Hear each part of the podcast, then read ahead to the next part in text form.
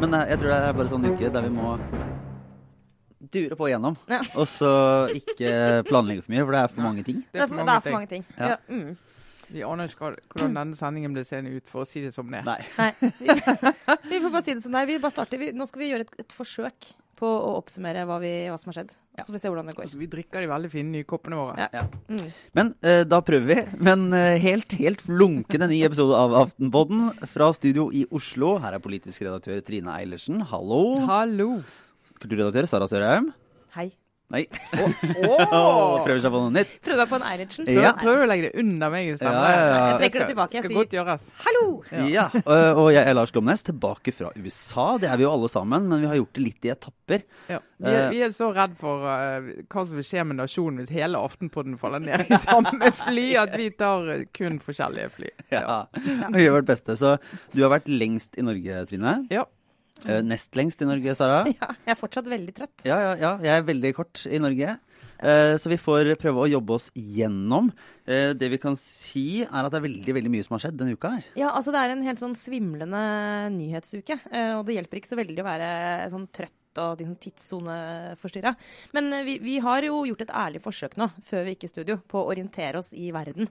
Eh, Og det er nok å snakke om. Ja, Og ikke minst så drikker vi av eh, våre flunkende nye Aftenpodden-kaffekopper. Ja, tenk at dette fikk- skjedde i virkeligheten. Ja. Ligger bilder av de på, på Facebook-siden vår. ja. Ja, Eh, vi de- har laga merch, rett og slett. Ja, så også, og, og sånn nett, og i det hele tatt. Det er eh, for en verden vi lever i. De som, de som eh, kan jo liksom signalisere interesse ved å, ved å kommentere på det bildet vi har lagt ut på, på Facebook.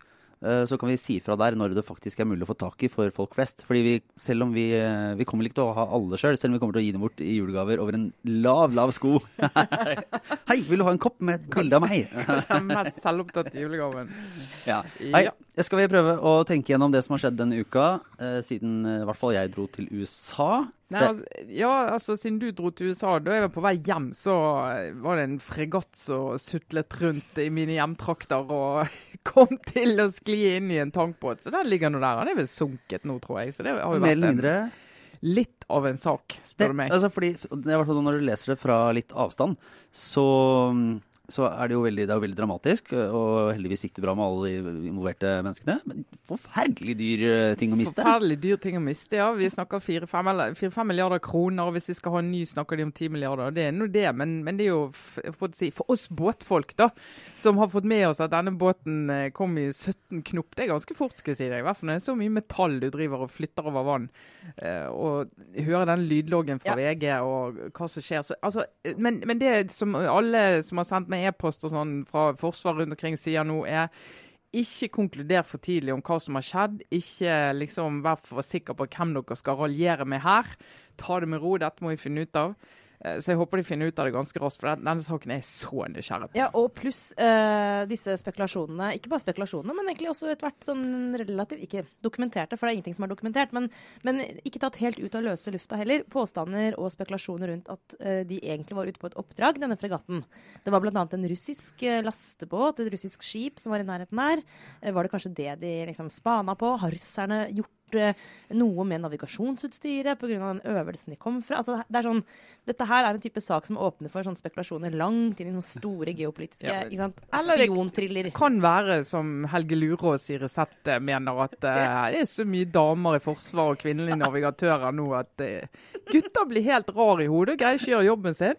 Og da går det galt. Altså Det som grunnstøtte var vaginalstaten. Ja, det er bare Ok, nå er Helge Lurås basert på altså, han, han tør å stille de vanskelige spørsmålene. Nå må alle altså, Betente ja, spørsmål. nå må alle tenke seg om og, og, og sjekke at de, kan det være sånn? Er, er, rett og slett, er, er, det, er det samfunnet vårt som har gal kurs? Ja, når vi setter Ja, damer til å styre så store skip, da vet vi hvordan det ender. Vi vet Ja. hvordan det ender, og Jeg bare trakk en parallell til min egen verden. Etter hvert som damene kom inn i mediebransjen på ledernivå, hva skjedde? Ja. Inntektene Ja. forsvant! Facebook kom, smarttelefonen kom, her er vi!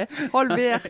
Altså, jeg mener, Her har vi en forklaringsmodell som er verdt å bygge videre på. Og så vil jeg bare si, Hvis dere har hørt den der lydloggen som Trine nevnte i stad, fra skipet altså Det er for det første utrolig fascinerende. Men eh, det også vitner om at det var menn som snakket, i hvert fall på den loggen, da, som sto åpenbart var det menn på broa. Men eh, de kunne hatt godt av noe litt sånn kvinnelig hysteri. Fordi maken til avslappa holdning Nå vet jeg at de skal være rolige på sånn type radiosnakk. Men altså, når han sier han ene på denne, den norske båten som heter vel Sola, altså den som krasja i, i fregatten, så sier han sånn eh, sånn veldig lavt sånn Dere burde svinge. Dere, nå må dere dreie. Og så dreier de ikke, så sier han sånn Da blir det kollisjon. Blir det kollisjon, da. Ja, da blir det det. Boom! det går an å heve stemmen. Jeg Har du ikke noe fyrverkeri de kan sende opp, eller er det ikke noe de kan gjøre? Hvis det er sånn Her kommer 400 milliarder seilende, og bare OK, men jeg har ikke til å unngå der. Får bare ta det. litt. Jeg får tenke, det, Vi skal ikke fortsette mye mer på det, men for alle de som har vært involvert i bare små uhell En gang jeg liksom lånte min, eh, mine foreldres bil, og det var ikke en sånn kollisjon engang, men jeg bare parkerte litt for tett inntil en vegg, så jeg liksom bare rakk å være borti. Jeg tror ikke det, jeg vet ikke om det syns, jeg. Men det er liksom den turen hjem for å si ifra det, er sånn, det kan hende at det er en ripe foran på bilen. Det Og så- og så kan du gange det med ti Ja. milliarder. bare så sånn Ja. Eh, jeg håper at det var, ikke var noen som sovna eller må, um, Ja. må leve med en sånn smell. Men det var jo bare den lille hendelsen. Det var lille hendelsen. Det har jo skjedd veldig mye mer. Vi Ja. kommer jo til å snakke litt om abort. Det er jo den svære, svære innenrikssaken for tiden. Tenk det. altså i seg selv, Bare, bare å si den setningen er helt rart. Men Ja. sånn har det blitt. Sånn Ja. er det blitt. Brexit må vi jo snakke om. Ja. Eh, dissens i vår egen regjering. Jeg vet ikke hvor mye vi skal snakke om det, Lars. Det er ikke så mange som snakker om det.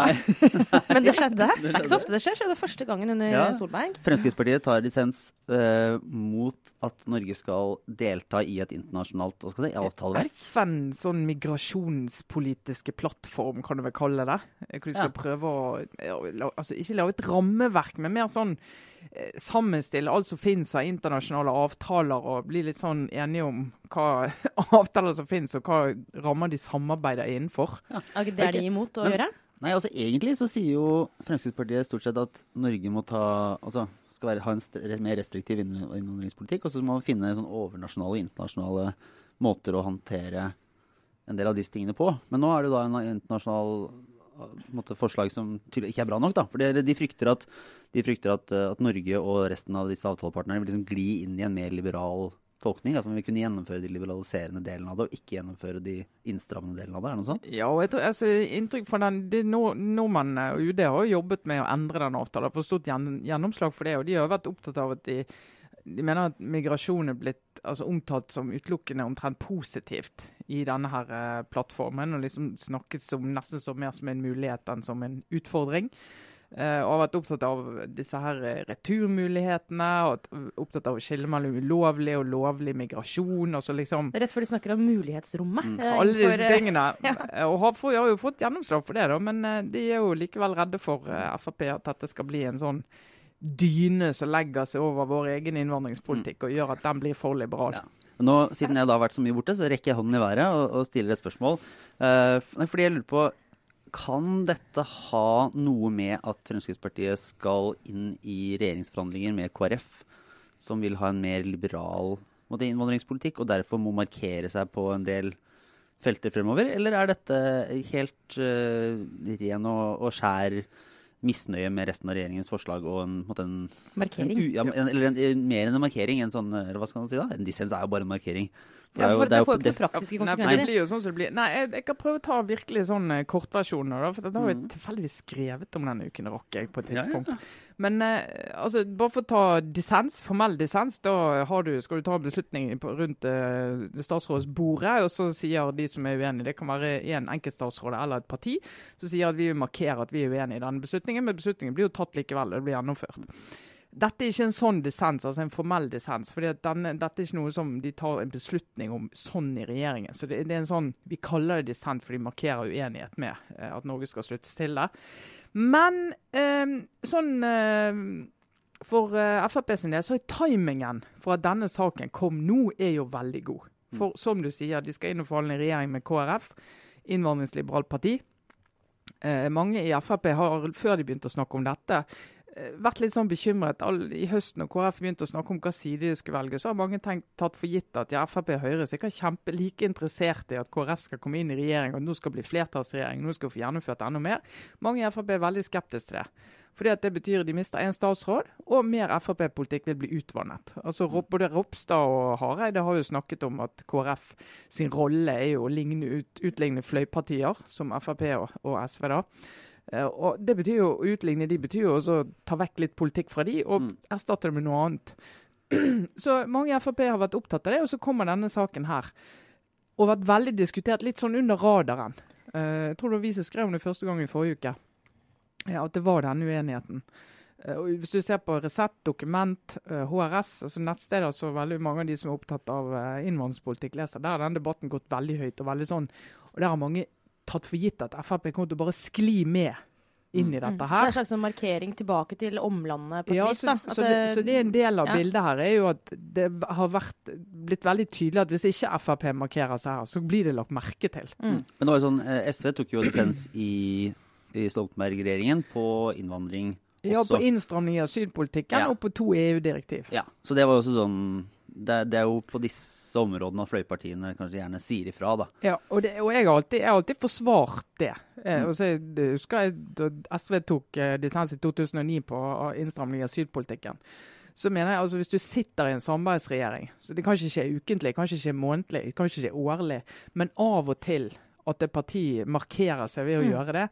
det med, jeg mener det, det er rart hvis du skal lage det til en stor skandale Ja, eller krise. da. Ofte så er det et større problem eh, i norsk politikk så generelt at det er vanskelig å se forskjell på partier, og at den blokktankegangen gjør at du ut, utvisker forskjellene. Så Sånn sett er det jo streit eh, å sende en melding til velgerne om at her er vi uenige, selv om det da ikke, sant, ikke får noen praktisk betydning.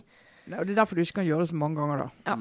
Se, av, uh, Ja, av, de sakene vi, av alt Ja. det som har skjedd, så valgte vi å bruke nå litt tid på dissens. Men, Jo, men altså, la er- oss fortsette oppramsingen, da, ja, Det er jo fordi jeg, er- jeg er interessert i norsk politikk. Men, uh, ja, men vi kom ikke lenger enn abort, nei. dissens, og så er det Nei, altså, vi må nevne de andre altså, vi har- det- har ikke snakket om abort, Sara, nå. Vi har bare nevnt det. Men Ja. vi er nå, eh, kjære lyttere, vi er, nå i form, vi er egentlig på en slags sånn 'dette har skjedd siden sist'. Uh, oppsummering før vi begynner å snakke om sakene. Ja, fordi vi har jo ikke, ja, vi, vi har ikke snakka sammen siden vi var uh, på tur sammen. Så da, da, da må vi liksom gjennom litt ting. Det jeg tenker, det er en ting vi ikke trenger å gå noe mer inn i, det er bare at det er fortsatt kaos i Sverige. Mm. Altså det er, vi kommer nok tilbake til Sverige, men vi har slitt litt med at det skjer mange sånne nesten-ting hver uke. Men de er fortsatt i prosess. De har ikke noen ny regjering. Ja, hva, hva er vi på nå? 67 dager siden valget? Fremdeles ingen regjering. Nei. Ja, Ikke noe som ligner på en regjering. Nei. Akkurat nå når vi spiller inn her, så har alle partiene i Sverige vært inne hos eh, talmannen eh, og redegjort for sitt syn på tredje eller fjerde forsøk på å danne regjering. Eh, det siste jeg så nå, var at det er flere som peker på Annie Løf i eh, Senterpartiet og sier at eh, nå er det din tur til å sondere. Eh, fordi det er det eneste partiet som er med i absolutt alle forslagene til en ny regjering. Omtrent, bortsett fra den som falt i går, nemlig Kristeligdemokratene og Moderatene. Men bortsett fra det, så er jo Senterpartiet i Sverige nå liksom ja, åpenbart pga. plasseringen sin i det politiske landskapet. Helt sentrale. Så nå, og så tror jeg noen er litt lei av at Annie Løf har vært den som har vært litt sånn nei-dronning. Hun har liksom Ja, satt ned foten for det ene og satt ned foten for det mye. Ja. Så nå var det litt sånn OK, vær så god. Löfven blant annet sa, sier i dag at vær så god, nå kan du prøve. Prøv selv. Blir litt sånn Sverre Kjell Magne Bondevik. Ja, det var det jeg lurte på. Men det er litt sånn åk sjøl, gubbjævel. ja. Uh, så får vi se. Det er jo like usannsynlig at hun skal lykkes som noen av de andre, men OK, da prøver hun. Men, men hun må ikke bli statsminister selv om hun har fått blitt pekt på, antar jeg? Nei, nei, nei, nei. Nei, nei, Hun må, det kan hun jo bare ha en mening om hva hun vil, Ja. tenker jeg. Det har du jo gjort seg. Det Altså, jo- dette kommer jo ikke til å gå. Altså, hun skal også krenkes. Hun skal også gå gjennom den der eh, og, og be om sjanse og få nei. Ja. Det virker som det er sånn stafettpinne nå, hvor alle skal gjennom det. Så eh, sånn som eh, det kan se ut nå, så er det faktisk at det går mot et nyvalg. ja, det er mange som snakker om det. Åh, Oh, gud, så stress. Ja. Utrolig stress. Og selvfølgelig også ganske kjipt at ikke landet har en regjering. Så Ja. det er litt det sånn jo- Sverige, det nye Belgia. Ja. Men det kan vel hende, er av og til så er det noen som tenker litt sånn Ja, det var egentlig ikke så farlig å ikke ha noen regjering. Ja, det er kanskje det største problemet. Dette går liksom Ja, det men går de har jo forretningsministerium, så Löfven er jo statsminister. Ja da, Ja. altså det er jo ikke, det er jo ikke helt tomt i, eh, i lokalene, men det Eh, Det er litt sånn, ja ja, det, det fortsetter nå. Det går, nå- går Landet lunter og går. Ja. Ja, men nettopp, ikke sant, som du var inne på der, så Problemet da er litt sånn Trenger vi egentlig en Kan vi bare ha et forretningsministerium? Eh, så dette sånn Det hadde kanskje vært fint nå, hvis det er sånn at eh, det lønner seg at vi blir enige. Drive litt drift. Ja, så vi, det, men det er uhyre spennende og eh, ekstremt vanskelig faktisk å liksom henge med i svingene. Men, eh, men eh, vi får se. Vi, vi kommer garantert tilbake til det. Akkurat nå så er liksom kortversjonen er, det er fortsatt kaos i Sverige. Ja. Vi kan, skal vi ta denne denne abortsaken, som er den store, og så er det et par andre ting som sikkert eh, dukker opp etter hvert.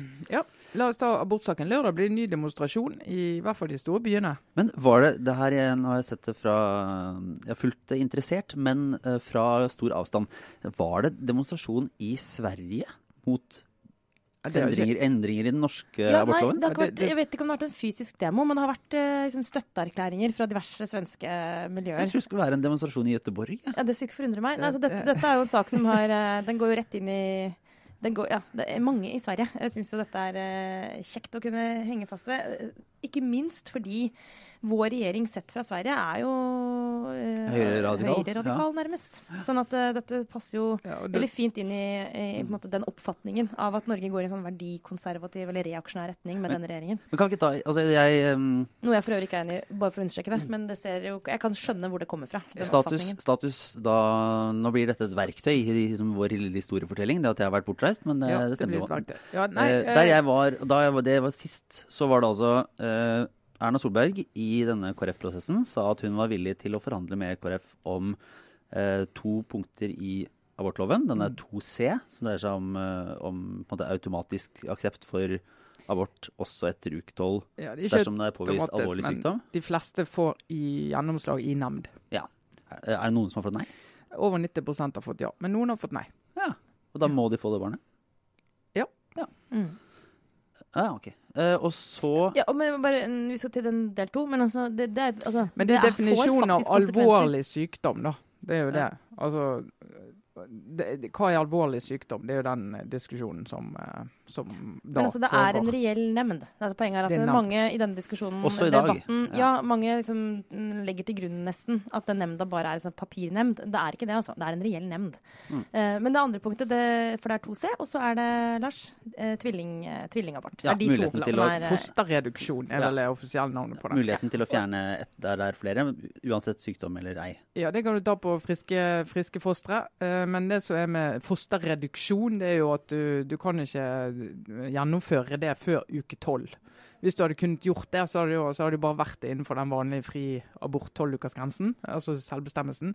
Men du kan påvise at det finnes flere fostre før uke tolv, men du kan ikke gjøre noe med det før etter uke tolv. Så da kommer du inn i en sånn Men eh, dette er jo ikke et eget punkt i loven. Det har bare blitt vurdert for et par år siden, og denne muligheten til å gjøre det kom. eh, Så har det blitt vurdert at det er ingenting i loven som hindrer at du kan gjøre det. Ikke sant? Og så sa uh, Kjell Ingolf Ropstad og den siden i KrF underveis i prosessen da KrF skulle bestemme seg, at dette var en historisk mulighet. Og ble brukt ganske hardt for å, for å kjempe for å samarbeide med Høyre og Frp Ja. og Venstre istedenfor Arbeiderpartiet og Senterpartiet. Ja, og Det vi må kunne si når vi ser på de siste to månedene siden, ja, nesten, det er jo at uh, den, det blå laget i KrF, med Ropstad og Bollestad i spissen, i to nestlederne, de har uh, holdt taler om mye, men alltid så har et hovedpoeng vært at med Erna Solberg så kan vi få gjennomslag for å endre abortloven. De har vært opptatt av fosterreduksjon eller tvillingabort, og de har vært opptatt av eh, det som er blitt kalt for Downs-paragrafen. av uh, det, Ordet dukket opp i høst. mm. Uh, altså, Utrolig- Denne muligheten til å abortere foster på grunnlag av en Downs-diagnose. Har Og det er bare for ja. ikke sant? Eh, Det er jo også et, et begrep som har blitt sterkt sterkt kritisert. Bare å bruke og kalle det for det. Eh, har liksom bare, altså, denne diskusjonen er veldig av gode grunner politisert, og, og den er veldig veldig krevende. Og det å bruke det begrepet er jo veldig mange som reagerer sterkt Ja, på, for det det handler handler om helt andre ting. Og De som mest, var mest opptatt av dette, de har nå sagt at dette ordet skal ikke vi bruke lenger, for de skjønner at det er krenkende på Ja. så mange vis. Eh, Men til og med statsministeren har jo brukt dette ordet, og har fått sterk kritikk for det. Men det som i hvert fall har skjedd i løpet av de ukene, det er at det har vært et veldig viktig argument for å velge den siden. Eh, og jeg tror ingen i KrF som har eh, hatt det som et viktig, viktig grunn til å stemme eh, blått, har tenkt noe annet enn at her får vi en eller annen form for gjennomslag, selv om Høyre i program er mot det. Frp er helt mot det. Venstre er helt mot det. Altså Det er en liten del av Høyre som er for det. Så- At de skal få det gjennomslaget. Men så da, når de- de da har tatt sitt valg og sagt ja, vi går til Erna og alt det, så begynner de liksom å diskutere hva betyr dette? Hva gjennomslag er det vi kan få? Og da er det både Erna Solberg og Kjell Ingolf Ropstad som har eh, klart å levere fra seg et par ganske grove faktafeil underveis. Ja. Både om hva de har snakket om. altså Ropstad har bl.a. Eh, sagt offentlig at eh, du kan få senabort på grunnlag av leppe- og ganespalte, eller at du mangler en hånd. Det er ikke riktig. Hvis du går inn i statistikken, så er jo den statistikken ført sånn at du, de, alle skadene ved fosteret står ført opp Mm. i ulike kolonner. Men det står ikke hva som har utløst at man fikk den senaborten. Og det Så stemmer at det ofte. står ja. De er alltid koblet sammen med andre diagnoser, f.eks. leppeganspalte og hjertefeil eller leppeganspalte og noe annet. Så ikke det er isolert. Og Det har jo han måttet gå tilbake på. Og statsministeren har også måttet gå, måtte gå tilbake på bruken av uh, ordet Downs-paragraf, og også hennes forståelse av hva som skal til for å få disse abortene. da. Men er det sånn at Erna Solberg forts hun, hun står på en måte innenfor, eller mener hun, at uh, flere skal bære, bære fram barn med det som i dag eh, regnes som alvorlig, al alvorlig sykdom? Altså, det. Er det, er det, for det er jo Nei, faktum altså, i den saken her. Dette syns, men det her jeg syns denne debatten er utrolig krevende. øh, Og det er vanskelig å forstå posisjonene. fordi sånn som jeg liksom, tolker henne, så er det at hun, hun ønsker ikke det. Men hun ønsker å gjøre noe med hva den loven kommuniserer. Mm. Eh, og at det, problemet Eller der jeg opplever at hun på en måte vil komme eh, KrF i møte, er at den loven slik den er formulert, kommuniserer at eh, et sorteringssamfunn er liksom ikke er her, men at den går i retning av å liksom godta prins, eh, premissene for et sorteringssamfunn. Og hun ønsker liksom å, å vri på liksom ordbruken. Det er sånn jeg får tolke henne, Trine. Og øn- ønsker, å, og ønsker på en måte at det, vi skal finne en ny formulering i abortloven som skal passe på at vi ikke blir et sorteringssamfunn, men det skal ikke føre til færre aborter. Men er det bra nok for KrF? De har jo de har Nei, men sånn, altså, det, dette jeg vet ikke om jeg har forstått henne riktig kommuniseringen- engang. Jo, jo da, Ja. fordi, fordi at det som det da blir en diskusjon om For det står jo ingenting i den paragrafen om at hvis det blir påvist down, så har du rett til å få en senabort. Altså Det står ingen spesifikke diagnoser. Det står alvorlig sykdom, mulighet for alvorlig sykdom. Eller fare for alvorlig sykdom, er rett ordet. Eh, og så har eh, statsministeren eh, sagt at kanskje vi kan vri det til å si at hvis det ikke er levedyktig. Fordi at Da er du så veldig tydelig på at det er en, type sykdom som ikke går an faktisk å leve med.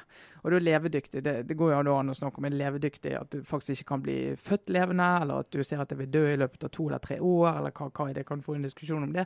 Men du får ikke en sånn at hvis du har en eller annen sykdom eller utviklingshemming som gjør at du kan for så vidt leve til du er 30-45-60 år, så kan ikke det være grunn god nok. Men det opplever jo mange som en veldig sterk innstramning av den loven. fordi Mm. at også å få eh, barn med den type diagnoser oppleves som en noe du, må, du, du som kvinne er nødt til å måtte vurdere selv om du er i stand til å, å gjøre. Og da sier statsministeren, men samtidig må jo kvinnens vurdering av egen situasjon telle tyngre. Ja, telle mer. Det her, og, og, sånn at det her blir litt sånn selvmotsigende. Og nå hvis du spør Kjell Ingolf Ropstad spør, forventer du at aborttallene går ned etter at dere har forhandlet regjeringsplattform, og sier han nei, sier han nå. Han forventer ikke det, ikke med det første. Neida. Det han håper på nå, er en holdningsendring. Og det er her jeg kjenner at jeg blir liksom, det her, Dette syns jeg faktisk er provoserende. For jeg har respekt for uh, at du ønsker lovendringer hvis du ønsker liksom, faktisk effekt av en lov. At den skal endre seg. Det jeg kjenner at jeg blir uh, sånn altså, Jeg syns det er egentlig ganske sånn uredelig også sånn politisk retorikk. Det er at du, at du bruker lovverket til denne typen holdningsendringer. Altså, da, sorry, da må du finne andre måter å gjøre det på eh, enn å liksom gå inn og begynne å endre en lov som den, har, den er sikkert ikke perfekt, men den fungerer bra. Eh, og det er et, eh, en debatt som også oppleves av veldig mange som utrolig vanskelig. Altså, det, og, og det er nesten umulig å diskutere denne saken uten at det blir veldig personlig også. Ja. Uh, for, eh, og det tror jeg bare vi må leve med. At det der å, å skulle bære fram et barn eller ikke, det, man kan liksom ikke tenke rent teoretisk på det.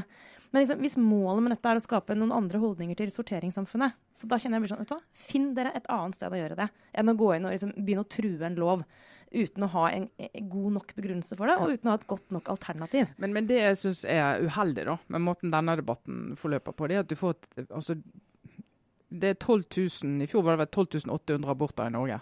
Eh, og 96% av de ble foretatt før uke 12, altså innenfor selvbestemmelse. Så er det 500-700 vel som ble foretatt etterpå. Eh, men eh, diskusjonen handler liksom om abortloven eh, er truet, selvbestemmelsen er truet. Men selvbestemmelsen er ikke truet. Altså Frem til uke tolv, den er ikke truet. Og jeg mener jo faktisk at mange av de, og jeg, jeg vil jo ikke at vi skal endre denne loven, bare la det ligge fast. Eh, men jeg syns det er veldig uheldig for denne debatten at vi snakker om, om, om, dette som den store trusselen mot abortloven. For Hvis du drar til land der det virkelig er trussel mot abortloven, USA, dra til USA. Ja. Eh, og ser hva som foregår der, så er vi ikke i nærheten engang. Og da mener vi må liksom snevre det inn og snakke om det dette handler om. Det, snakker, det handler om senaborter. Kriteriene, eh, vurderingene som skal til for at man skal få gjennomføre senabort, altså etter at selvbestemmelsen er ute. Så går det an å diskutere skal vi utvide selvbestemmelsesrommet. Det går an å diskutere. Og det går an å diskutere, som jeg syns er veldig viktig, hva skal vi gjøre med denne muligheten vi får til å finne ut av egenskaper ved fosteret tidligere og tidligere. og tidligere. Mm. Du kan dra til Danmark, ta en blodprøve før uke tolv og finne ut om det har downs. Eh, du kan også finne ut hva kjønn det er. Uh, og i vår kultur så vi syns jo det er skrekkelig at du sorterer vekk fosteret på grunnlag av kjønn, altså jentefostre, for det er jo det det er. Mm. Og det gjøres jo i stor stil i en del kulturer. Man finner ut at det er jentefoster og sorterer de vekk ganske seint også. Uh, mens noen vil mene at det er ikke noe verre å gjøre det enn å sortere vekk på grunnlag av f.eks. downs. Jeg må skyte inn her, Lars. for det, det, det her, Dette er jo en diskusjon som kan gå i mange retninger. Men um, det er ikke noen tvil om at det er ma mange virkelig store dilemmas i hele denne abortdiskusjonen. Og det er mange av de som også faktisk er, vi burde snakke om. Altså de ting du er inne på nå, Trine. Det er sånn, det, det setter oss på det er, det er, viktige ting å diskutere. Det bare, det bare merker liksom at når inngangen på den abortdebatten vi har nå, er slik den er, og det mener jeg at KrF og Høyre må ta veldig stor del av skylda for, så er det, det umuliggjør jo også en god samtale om de vanskelige tingene. Men, men det er jeg helt enig i, fordi det kommer, og det er egentlig mitt andre poeng. Det at Så vanskelige ting kan du ikke diskutere i en sånn to-tre ukers forhandlingsramme. Eh, at nå skal vi forhandle om det. For dette er en veldig bred base. Så vil noen mene at ja, men dette har vi egentlig diskutert bredt, og bioteknologimelding og alt. Vi har diskutert dette i mange år. Det er bare alle har ikke vært like engasjert som de er nå. Eh, men jeg mener likevel at du kan ikke bruke dette rommet til å gjøre endringer på, på et sånt felt. Du er nødt til å, å, åpne opp og ha litt lavere skuldre og kunne snakke om litt ordentlig. Ja.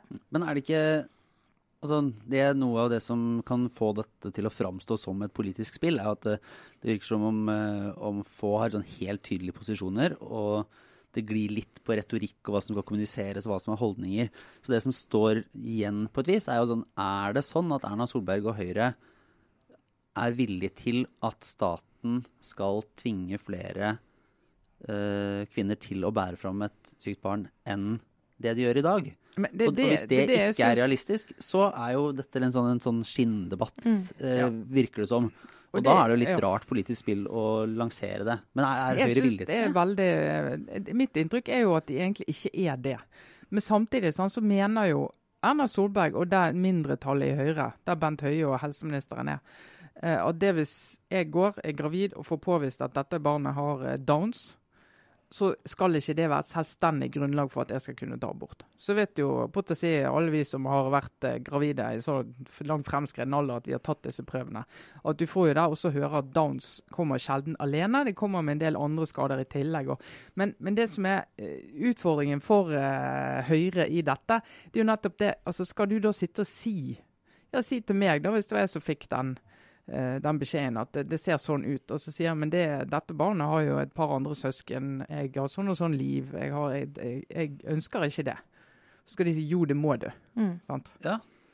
Og hvis de ikke er villige til det, da kjenner jeg også på den derre um, Da må dere det må dere være tydelige på.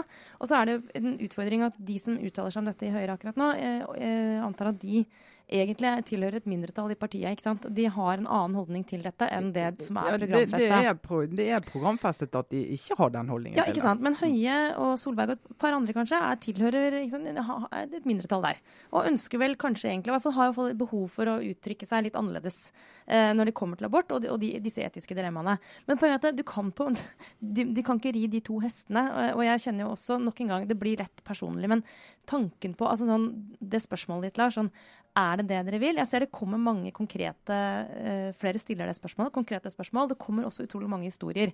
Og om det er én om jeg skal altså, Jeg syns dette er en dårlig politisk eh, debatt, som er utrolig destruktiv, egentlig. Men om det er noe som likevel er bra, med denne diskusjonen vi har nå, så syns jeg det er faktisk de historiene som har kommet ut nå fra kvinner, eh, om, liksom, og noen fedre også, absolutt, om uh, ulike aspekter ved både å bære fram barn som er alvorlig syke, eller å velge å ikke gjøre det, og hva det betyr for et liv. Begge, begge, de, altså, begge utfallene av dette valget.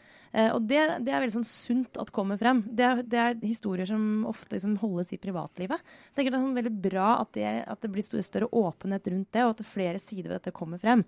Men det som provoserer meg, er at hvis det er sånn at ingen ønsker å tvinge en kvinne til å bære fram eh, et alvorlig sykt barn mot hennes vilje, ja, hvorfor har vi da denne her jævla debatten? Fordi det skaper altså så mye utrygghet og også sårhet og frykt hos mange. Det, jeg, sånn, da, da, da, kunne vi spart oss dette. Hvis de mener det, så fair enough, la oss ta den debatten. Hvis ingen egentlig mener det, vet du hva, da kjenner jeg sånn, da kunne vi lagt det, latt det til ligge. Da ville, da ville eventuelt debatten vært på, på et mer sånn Hvordan er det vi løser dette, disse dilemmaene i våre privatliv. Ja, så, og, ja, så, invitere til en samtale om disse vanskelige spørsmålene. Ja, gjerne. Det er faktisk viktig at vi har den samtalen, men ikke på dette grunnlaget. hvis men ikke noe, det er reelt. Altså, noe av utfordringen med dette, da, fordi at eh, altså, jeg tror nok altså Erna Solberg mener det hun mener, og hun sa det hun sa.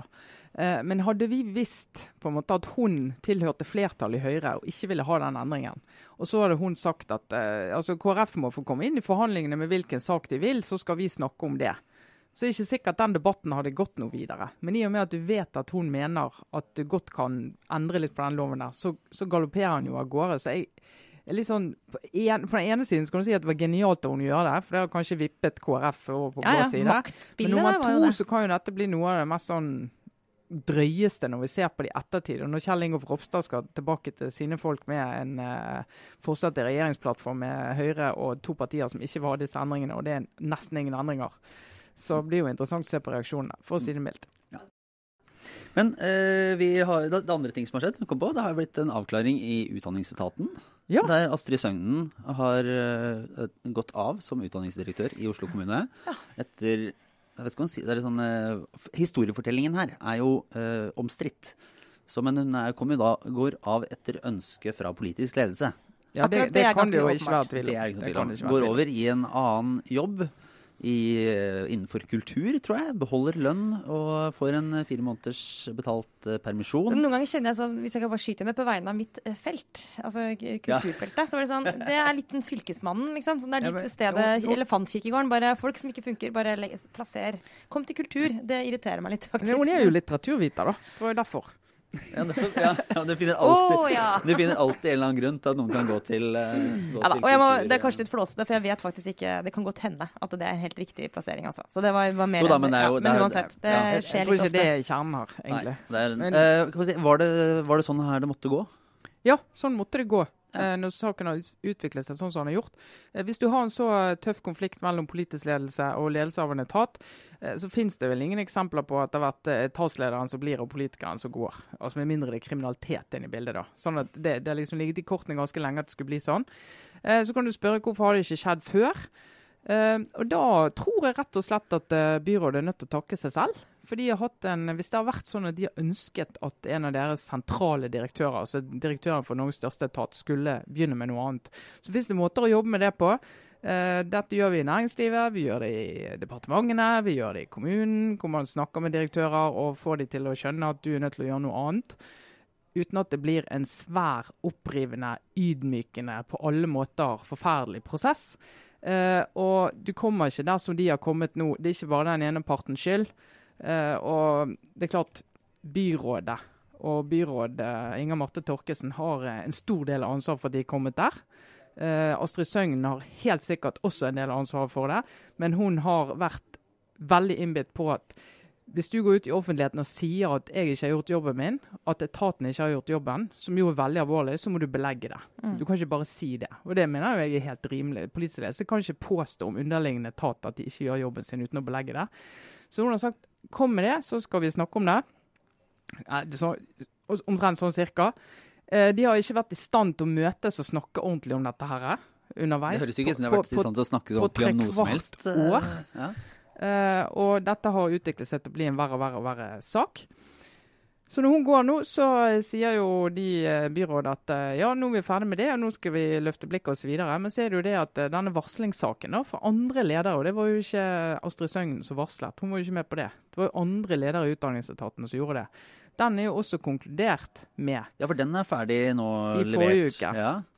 Og der eh, sier jo Ramon Johansen, som har eh, gått gjennom dette og ledet arbeidet med det, at eh, han ser ingen grunn til å kritisere Inger Marte Torkelsen. Eh, og underliggende er det jo da at eh, varselet er ubegrunnet. Mm. Burde egentlig ikke vært der. Eh, og hvis de mener det, så sitter det jo folk i ledelsen i Utdanningsetaten som eh, saboterer byrådet, må jo de mene da. Og da er de jo nødt til å gjøre noe med det. ja. De kan ikke bare gå videre og si at hvis Astrid Søgn slutter, så forsvinner det problemet. Men For det det gjør gjør Ikke det minst av hensyn til varslingsinstituttet. bare for å skyte inn det, altså Hvis det, som jeg tror dessverre er tilfellet, ikke nødvendigvis i denne saken, men i hvert fall sånn generelt, misbrukes for å ta ledere.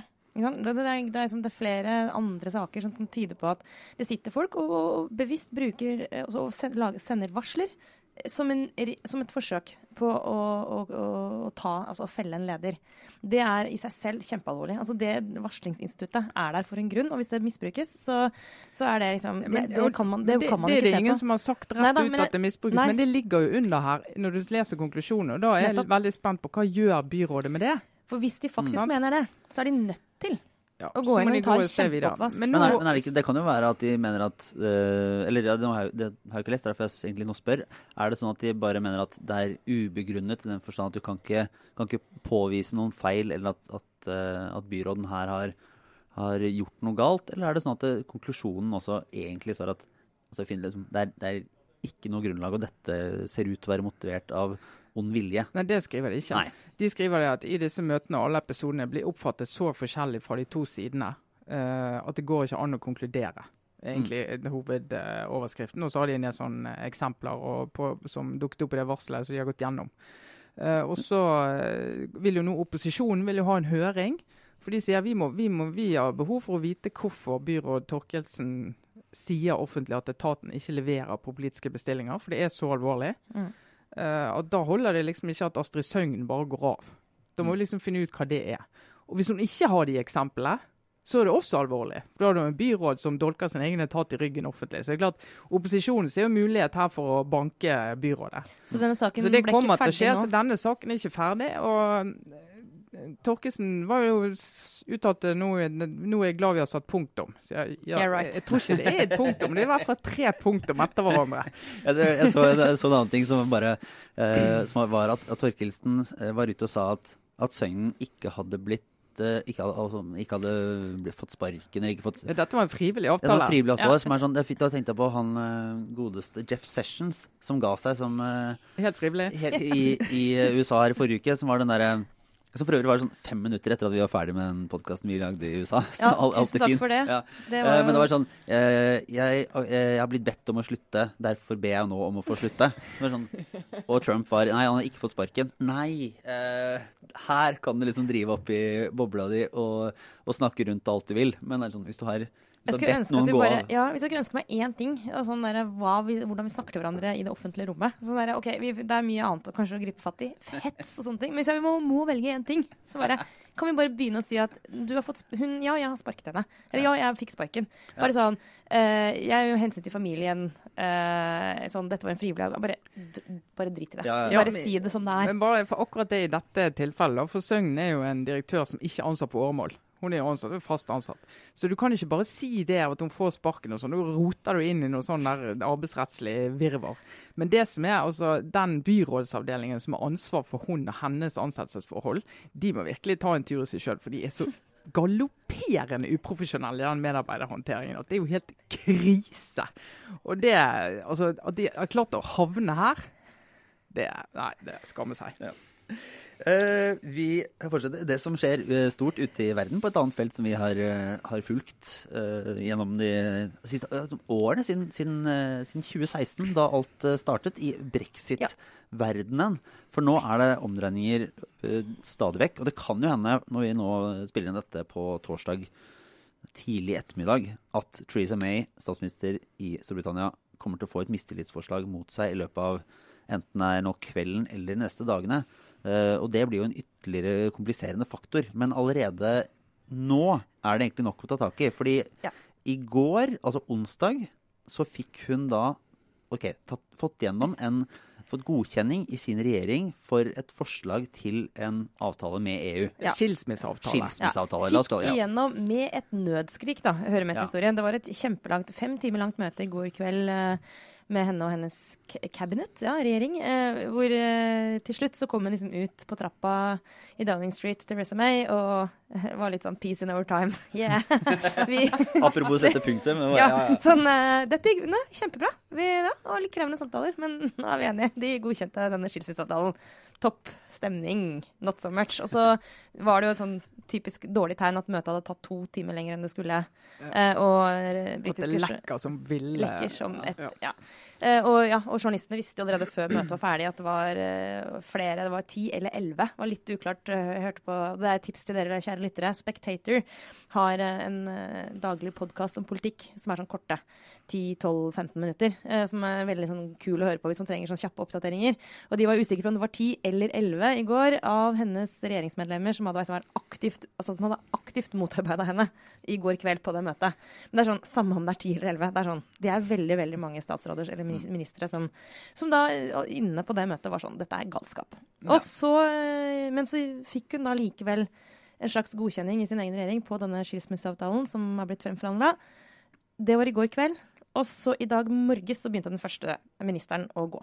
Ja, da vi gikk i studio, var det tre som har gått av. I, ja, det er vel tre nå. Ja. Eh, Og flere, og alle regner med at det kanskje renner ut et par til i løpet av dagen. Og de som slutter, og det, det største, det som virkelig er krise for meg, er at han ene som slutta, er jo han som også da har vært brexit-minister. Eh, og eh, på papiret har faktisk fremforhandlet selv denne avtalen som de nå liksom sitter med. Og nå sier jeg på papiret, for det er, så vidt jeg kan forstå, så det mistenkes jo at det er egentlig Theresa May og en del av hennes eh, byråkrater som har egentlig gjort den avtalen. At han på en måte har vært litt utafor, og at det også har gjort han veldig sur. Men uansett, da, han er brexit-minister, står ansvarlig for avtalen. Eh, går nå fra regjeringen, kan ikke forsvare avtalen. Mm. Ja. Men, to, men to, altså de, hvis vi skal se på brexit-avgangene, altså to av de morsomste mener jeg er brødrene Johnson. Boris og Joe. tidligere, henholdsvis tidligere utenriksminister og eh, transportminister. Boris Johnson, som alle vet hvem er, han har jo en lillebror som heter Joe.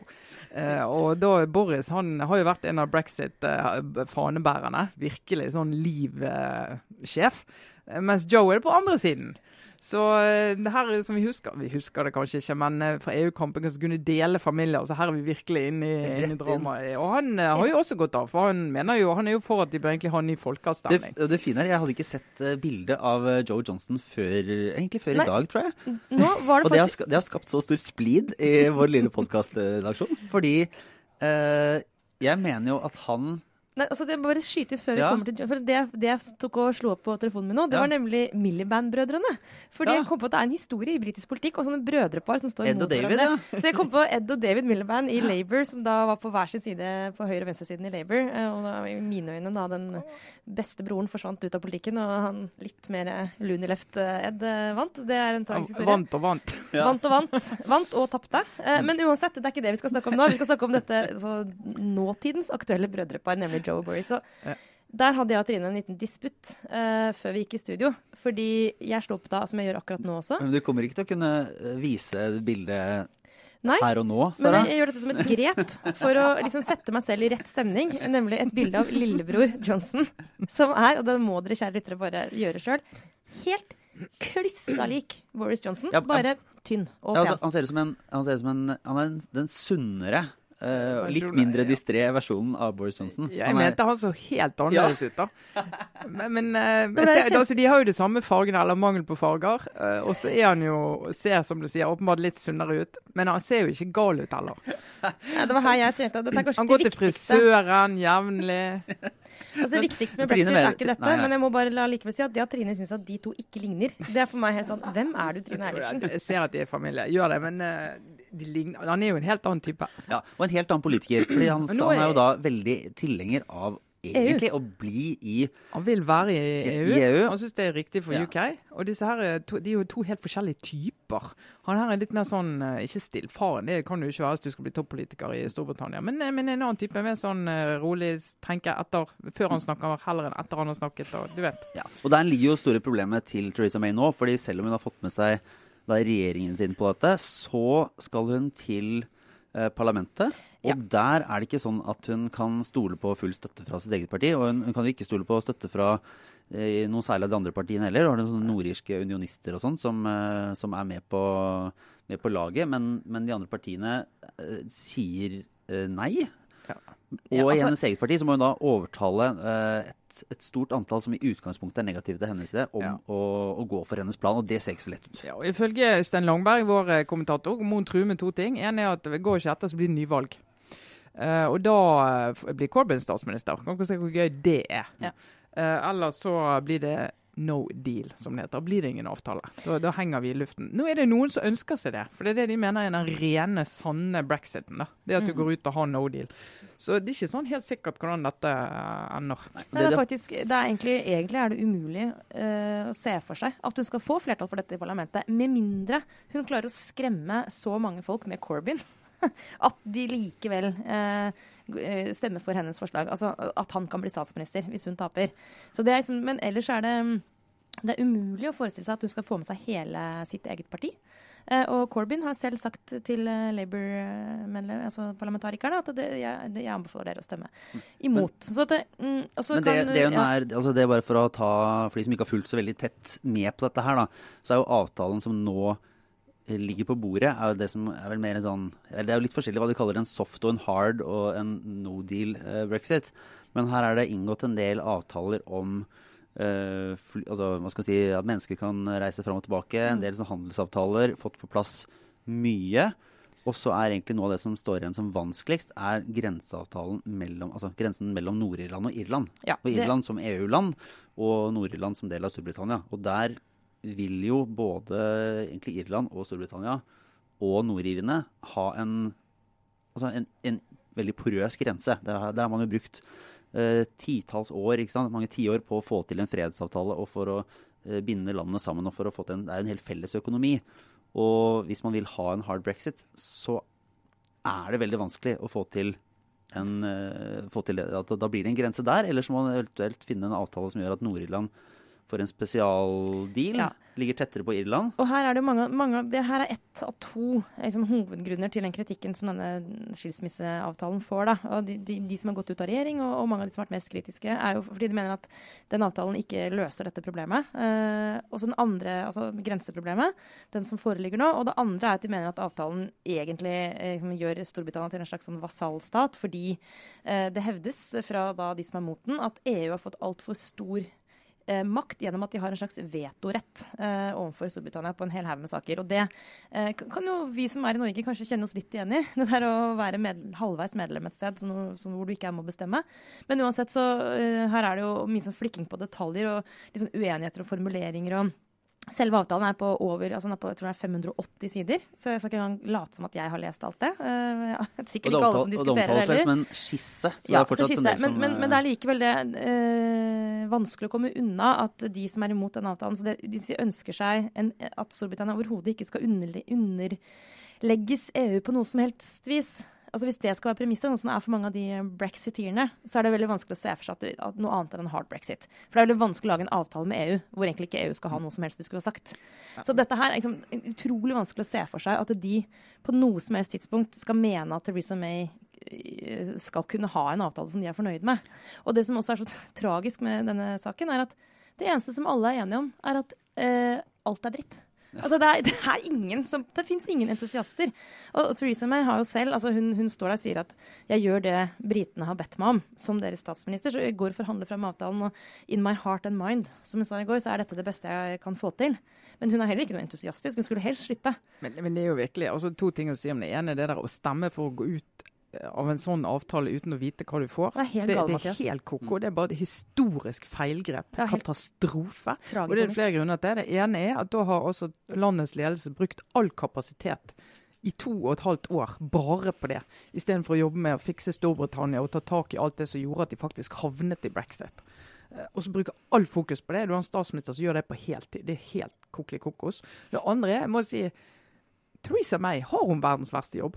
Har hun, har hun hatt én gøy dag på jobben? Har hun fått skryt for noe? Altså Hvis hun nå ryker ut, da vil jo hun bli gå ned i historien som den som har hatt verdens verste statsministerjobb omtrent i et demokrati i nyere tid. Hvis du måtte velge eneste hun har fått skryt for, var at hun danset på landsmøtet etter at alle ledd av henne at hun danset i, i Afrika. Og så danset hun på landsmøtet, og da viste hun eh, selvironiske tendenser, og så fikk hun masse skryt for det. Men hvis du kunne velge eh, prime minister i eh, Storbritannia eller stabssjef eh, hos Trump? Det- Stabssjef hos Trump kan jo bare slutte.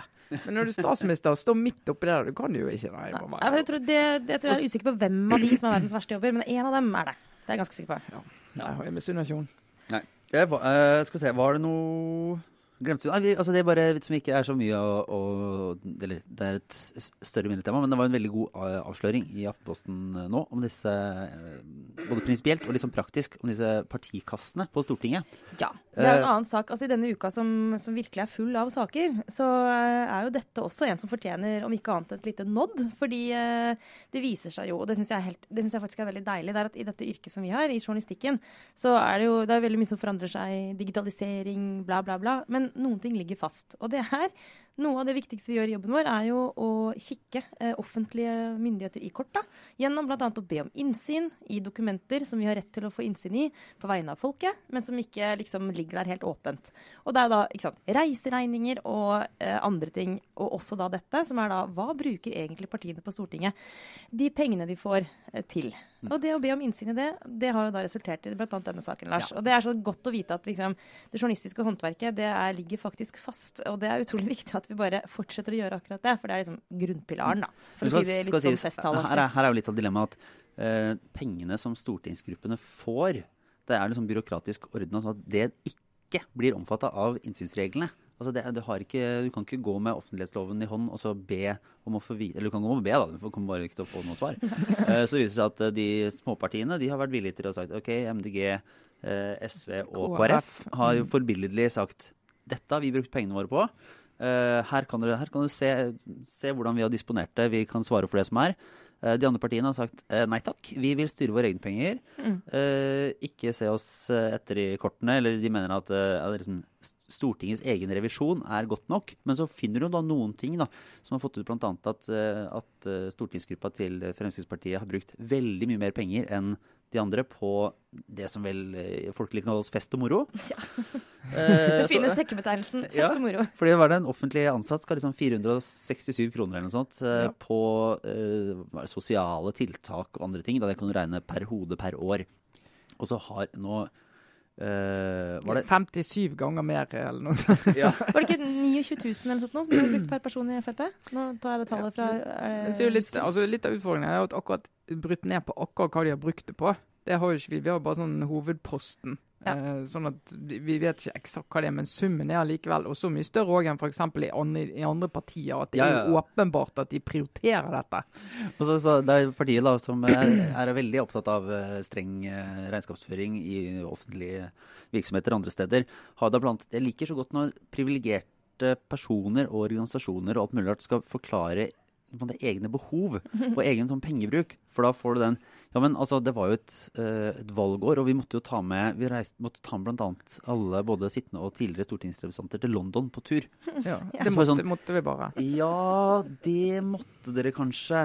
Er det, er det det de sier på skolen oppe i Groruddalen eller på, på Frogner for den saks skyld? Det er ikke sånn at alle bedrifter reiser på fellestur til utlandet. Nei, altså, men det er jo det som er det alvorlige i dette. da, for Jeg så jo i går jeg la ut den saken på Facebook, fikk et par eh, nei, kommentarer fra kjenninger som eh, jobber i ja, helsevesenet, skoleverket.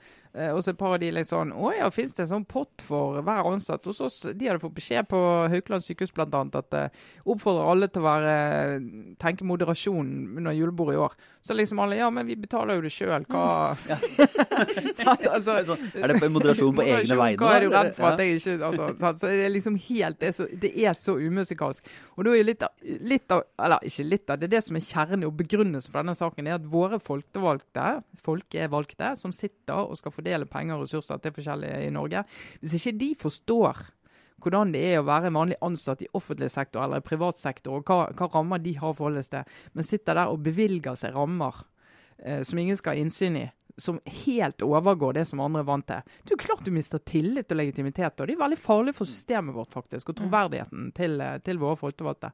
Og det synes jeg vidt, det er par av disse politikerne det skal jeg gå gjennom i de partiene som uh, sier at uh, nei, men vi, vi, vi, bruker pengene våre, vi styrer det best sjøl. Lurer på hva de mente da Idrettsforbundet ble bedt om å vise frem, hva de har brukt penger på. Det er jo flere av disse som står der og ja, det må vi vite, og offentlig og tillit og alt det. Ja. Hallo, velkommen, vis frem, transparens. Klassisk liv og lære. Ja. Men eh, vi eh, nærmer oss slutten, men får runde av med litt obligatorisk refleksjon. Det er jo mye rart å tenke på denne uka her. ja. det pleide min bestemor å si, det ble litt komplisert, og så sa hun bare det er mye rart. Ja.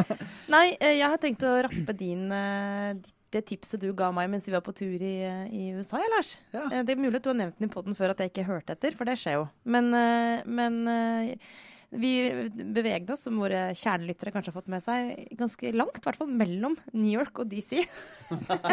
Fra den ene swampen til den andre. Men det er en togtur på noen timer som er en veldig fin togtur. Og da, Lars, tipsa du meg om å høre på en podkast. Eh, og den eh, Vi kan ikke begynne å snakke om den engang. For det, det, altså, den, den, det åpner for Da sitter vi her i to timer til. Men jeg vil bare gjerne tipse om den. Den heter In the Know. Eh, og det er Radiolab som altså, har uh, produsert den. Har du anbefalt den her før, Lars? Nei, jeg tror ikke det. Uh, men det er ja, tre episoder fra Radiolab som, uh, som er liksom basert på en annen podkast. Og da er det liksom episodene som er Jeg tror den heter In the Know, og så er det liksom 1, 2, 3. Ja. Og vi, vi, kan dele den på Facebook-siden vår. Fordi um, det som er med den, da, hvis jeg skal prøve å forklare det helt sånn superkort, er at uh, den tar for seg sånn post metoo. Uh, et av de områdene i den metoo-diskusjonen som kanskje er aller mest sånn komplisert og ganske sånn vanskelig å gå inn i. Og det er den gråsonen uh, mellom hva betyr det egentlig å gi Altså det å gi et samtykke eh, til annen, et eller annet seksuelt eh, samkvem, og det å liksom bli utsatt for et overgrep. Og her er det jo, ikke sant, det, det er ofte i sånne saker at én part, ofte kvinnen, sier at jeg, var, jeg ville ikke dette, og mannen sier sånn hæ, det, det skjønte aldri jeg. Og akkurat det der, inn, i det der minefeltet der er det en journalist som har gått inn og bruker seg sjøl og har lagd eh, en podkast om sine opplevelser rundt det der å kunne si nei eh, og det å ikke bli hørt. Og så har Radiolab igjen, da, så det er mye metanivåer her, lagd en podkast hvor de intervjuer henne, hører på hennes pod, men så diskuterer de saken videre. Henter inn kvinner og menn og folk, og så er du egentlig midt i kjernen i noe av det som er aller vanskeligst, men også aller viktigst å snakke om. Så den er sånn conversation hva heter det på en godt norsk? Konversasjon Konversasjonsstarter. Ja. Eh, for de av dere som er interessert i den eh, tematikken der, så bare hør på den, og så prat sammen etterpå i dagevis. Ja, virkelig å anbefale. Vi hadde noen bra samtaler om det på ja, toget, Lars. Ja. Det, er, eh, det er sånn, ja, du, også, når, når, du har hørt den, så får du lyst til å snakke med om Ikke noe, alle, men det er sånn Du må, uh, du må prate uh, om den med noen. Ja. Uh, hvis noen hører Jeg kan egentlig bare fortsette med en annen podkastanbefaling, siden det nå nesten ikke er noen andre podkaster å høre på. Uh, som er en uh, som jeg tror jeg heller ikke har snakka om, selv om jeg kanskje har delt en anbefaling på Facebook-siden. Som er uh, altså Reply All lager veldig mye kult. Det tar for seg mye moderne sånn, Mye sånn ting fra livet med internett og ny teknologi. Men de hadde en veldig stilig toepisodes sak om kriminalitet i New York. Der har jeg jo nettopp vært. Men jeg syns det er egentlig et interessant også apropos til noe av skoledebatten i Oslo. For den går og tar for seg hvordan en litt sånn eksentrisk fyr begynte å bruke eh, egentlig tall og liksom big data, men i praksis var det å, å, drive kriminalitetsbekjempelse i New York ved å se på hele bildet uh, og regne litt på hvordan er det man kan løse dette. Og forutse hvor det kom til å oppstå trøbbel, og hvor det kom til å skje kriminelle handlinger. Og så ja. gå inn der i forkant. Litt sånn Minority Report, egentlig. Ja, liksom, ja. Men, det er jo bare sånn, sånn driver veldig mye politi over hele verden nå. Men de, eh, det var, innebar jo også at man, man, kunne teste og se veldig mye på hvordan, eh, hvordan man håndterte det, og hvor mange Altså hvor mange arrestasjoner som ble gjort, hvor mye som ble, man fikk til. Og det førte til en sånn altså en kultur der folk ble eh, tidligere sjefer som hadde levert sånn diffuse resultater, ble nå underlagt en, sånn, en effektiv, forutsigbar styring. Og så ser man jo også etter hvert at den liksom, geniale løsningen som fikk ned kriminaliteten i New York, er helt vanvittig, og som egentlig er eh, den, kanskje den ekte forklaringa heller enn den der knuste ruters taktikk som uh, som ble, som, ble um, for, liksom, for, som forklarte kriminalitetsnedgangen i New York. Det at man liksom tok tak i alle forbrytelser og så Ja, det er nulltoleransepolitikken. Ja, så tok Mm. man de små, men det, her er det en nyansering av akkurat det bildet. Men det starter jo da um, veldig, veldig bra. Og så er det noen sånne systemer når tall- og tellesystemer ikke blir forstått helt ned eller helt opp, så kan det korrumperes ganske kraftig. Og det er ikke det at jeg sier at altså, Det er jo litt av debatten om Oslo-skolen, i hvert fall utenfra. Så er det på en måte at man noen har sett seg blinde på tall. Ja, for er, tall, er, er målinger og tall et middel, eller er det et mål? Og det er Ja. akkurat den der middel-mål-diskusjonen. Den er egentlig den er overførbar til eh, veldig mye, også innenfor akademia. Eksempel, såkalte tellekantsystemer. Men Ja. her er den er i hvert fall veldig konkret fortalt, med fascinerende persongalleri og uh, veldig lett forståelig. Så- Si, hva heter den? Radiolab som lager den. Nei, Men nei, det var det- ikke Radiolab. Den heter altså Reply All som lager den. Og så tror jeg den heter Crime.